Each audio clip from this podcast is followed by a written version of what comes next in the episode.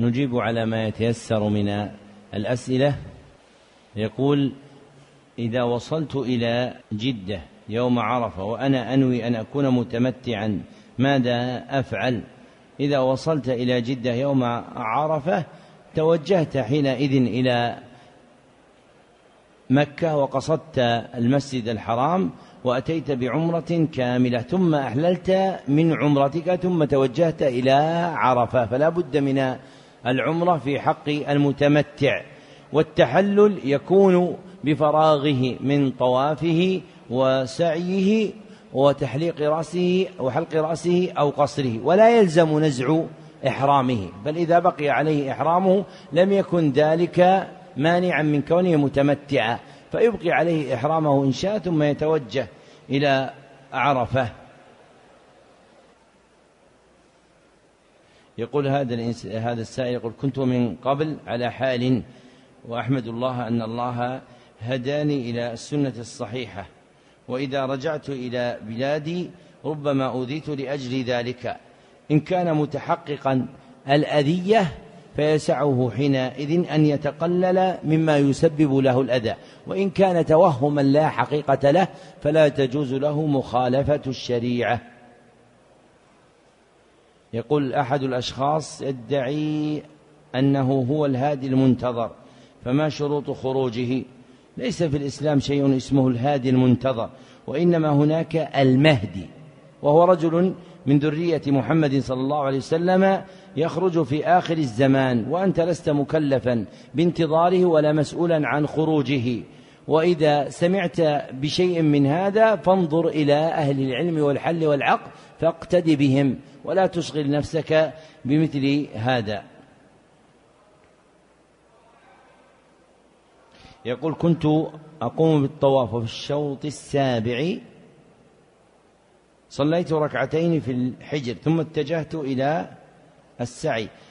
فهل طوافي صحيح؟ إن كنت صليت ركعتين في الحجر ثم رجعت إلى الموضع الذي كنت فيه من الطواف وأتممت سعي طواف السابع تم طوافك. وإن كنت لم تفعل وخرجت إلى السعي ولم يتم الشوط السابع فإنك طفت ستة ولم تطف سبعة. وشرط العمرة أن تطوف سبعة فلا بد من الإتيان بهذا الشوط السابع. وحينئذ يرجع ثم يطوف سبعة. إذا كان قد فرغ من عمرته يرجع ويطوف سبعة. قال يقول هذا هل يوجد تكبير عند ختم الشوط السابع من الطواف والسعي؟ التكبير والدعاء الذي يكون في الطواف تكبيرا وفي السعي رفعا لليدين ودعاء هذا يكون في أول الشوط. أما آخر الشوط فلا شيء فيه. فإذا فرغت من السابع تنصرف منه إلى ما بعده. يقول إذا شرعت في الطواف أو السعي ثم شرع الإمام في صلاة الجنازة هل أقف لها؟ نعم تقف لها وتصلي ثم تتم بعد ذلك طوافك أو سعيك. ويقول هذا السائل ما معنى قوله ولا ينفع ذا الجد منك الجد؟ أي لا ينفع ذا الغنى منك غناه. فغنى العبد لا ينفعه عند ربه.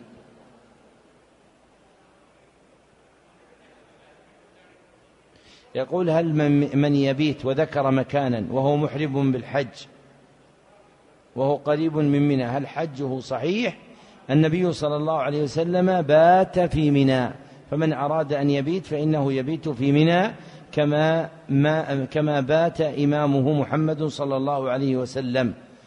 يقول هذا السائل الذكر بعد المغرب وبعد الفجر عشر مرات فيه يحيي ويميت وزيادة بيدك الخير ما صحته هذا الذكر؟ هاتان الزيادتان ضعيفتان عند من يصححه وهو أيضا لا يصح فهو غلط من بعض الرواة والصواب أنه ذكر من أذكار الصباح والمساء أخطأ فيه بعض الرواة وجعلوه ذكرا لصلاة الفجر والمغرب.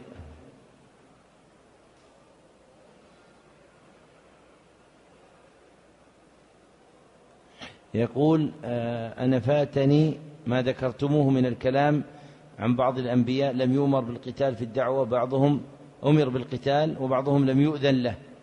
فهل أعدتموه لنا؟ ارجع إلى الشريط وتسمعه إن شاء الله تعالى.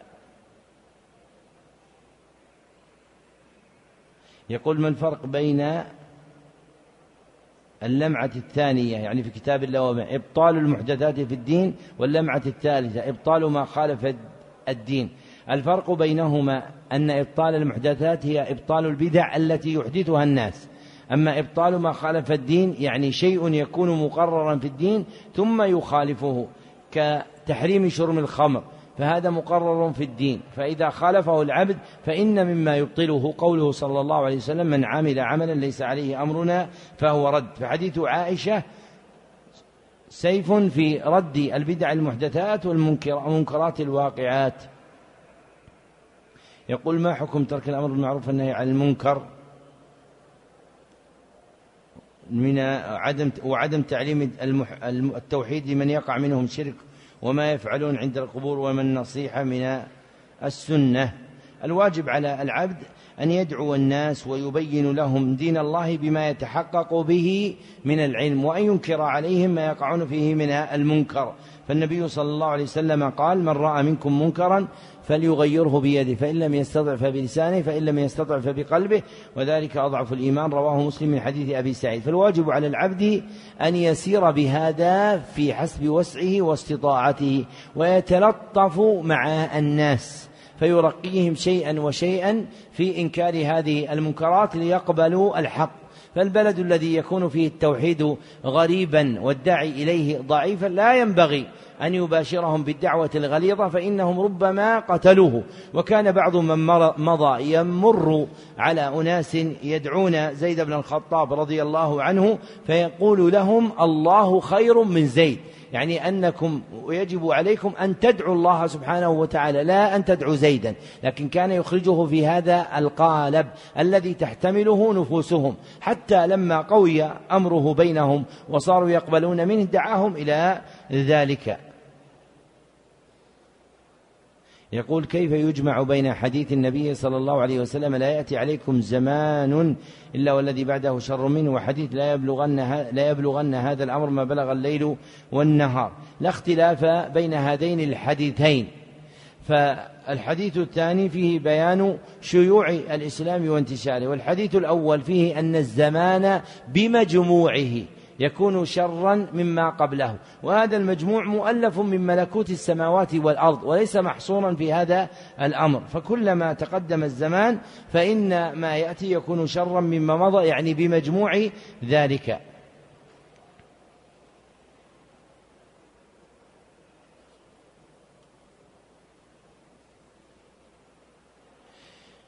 يقول هل يشرع قضاء السنن الرواتب وما آخر وقت قضائها. الجواب نعم من فاته شيء من السنن الرواتب يقضيه بشرطين أحدهما أن يكون معتادا فعلها فأما من لم يعتد فعلها ثم أراد أن يقضيها فإنه ليس أهلا لذلك في الشرع.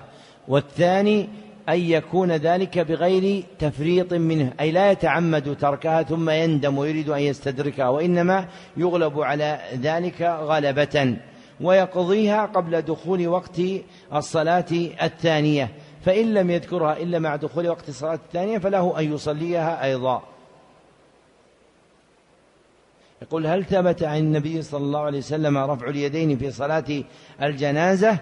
لم يثبت عن النبي صلى الله عليه وسلم أنه رفع يديه في صلاة الجنازة. وروي ذلك من حديث عبد الله بن عمر وهو غلط. أخطأ فيه عمر أخطأ فيه عمر بن شبه وهو من أوهامه والصواب أنه موقوف عن ابن عمر لكن لا يعرف عن الصحابة والسلف إلا هذا ولذلك اقتصر عليه البخاري في كتاب رفع اليدين. فمن شعار السلف من الصحابة وهو مروي عن ابن عمر بأصح إسناد وعن جماعة من التابعين كمحمد بن سيرين وغيره أنهم كانوا يرفعون أيديهم في الجنازة فرفع اليدين أسعد بالاتباع من ترك رفعهما سوى في الموضع الأول فهو يرفع في جميع تكبيرات الجنازة. يقول ذكر اللهم أعني على ذكرك وشكرك وحسن عبادتك. هل ثبت؟ نعم ثبت ذلك عند أبي داود وغيره من حديث أبي عبد الرحمن الحبل عن معاذ بن جبل رضي الله عنه وإسناده صحيح.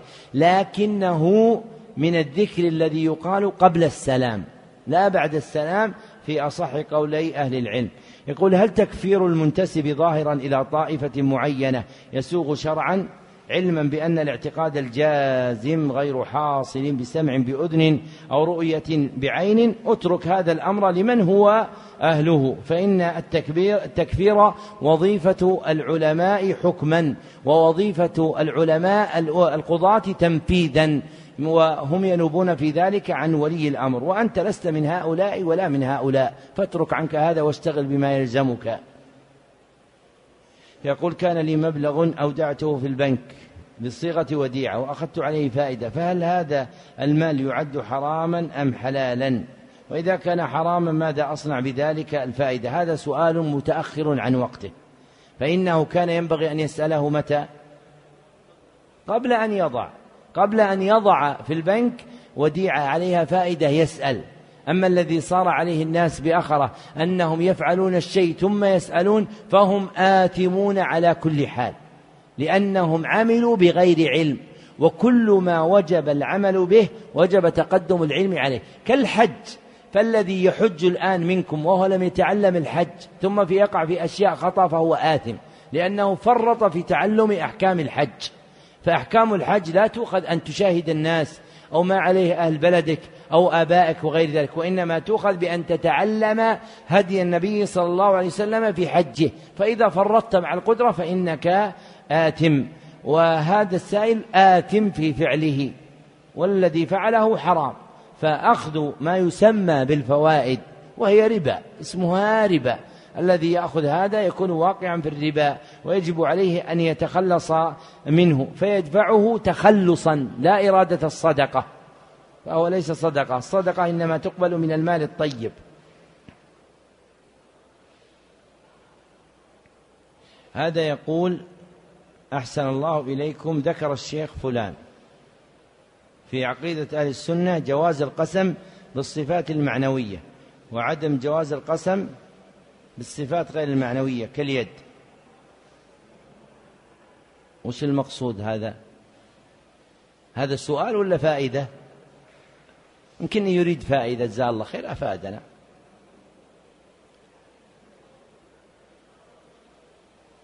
يقول الحاج المتمتع بالعمرة إلى الحج ويريد أن يصوم ثلاثة أيام في المناسك فما هي هذه الأيام؟ ليس له أن يصومها إلا إذا لم يجد الهدي فإن كان واجدا الهدي وجب عليه فإن لم يجده فإنه يصوم ثلاثة أيام وهذه الأيام الثلاثة هي أيام التشريق الحادي عشر والثاني عشر والثالثة عشر لما في الصحيح عن ابن عمر وعائشة أن النبي صلى الله عليه وسلم لم يرخص في صيام أيام التشريق إلا لمن لم يجد الهدي فهي محل الصيام ولا يجوز لأحد أن يصومها إلا من كان عليه هدي من متمتع وقار ولم يجد الهدي فإنه حينئذ يصوم هذه الأيام الثلاثة.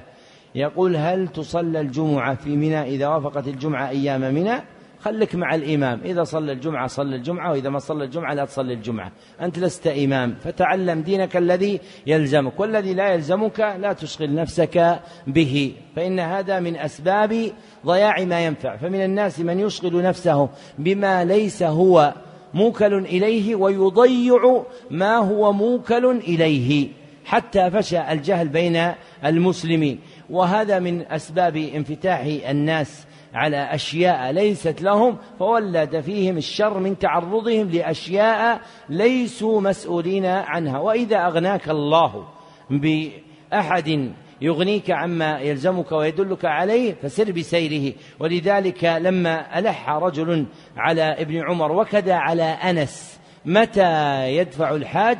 فقال إذا دفع أمراؤك فادفع. يعني إذا دفع المسؤول عنك في تدبير أمر الحج من ولي الأمر الذي خول إليه ذلك فاتبعه. ولا تجعل نفسك رأسا تريد أن تفعل شيئا والولاية فيه لغيرك. وهذا أصل نافع للمسلم أنه يشتغل بما يلزمه. والذي لا يلزمه فإنه لا يشتغل به. وهذا آخر هذا المجلس ولقاؤنا بعد صلاة العصر إن شاء الله في شرح كتاب مختصر في أصول العقائد الدينية لابن سعدي. وفق الله الجميع ما يحب ويرضى الحمد لله أولا وآخرا. وإياك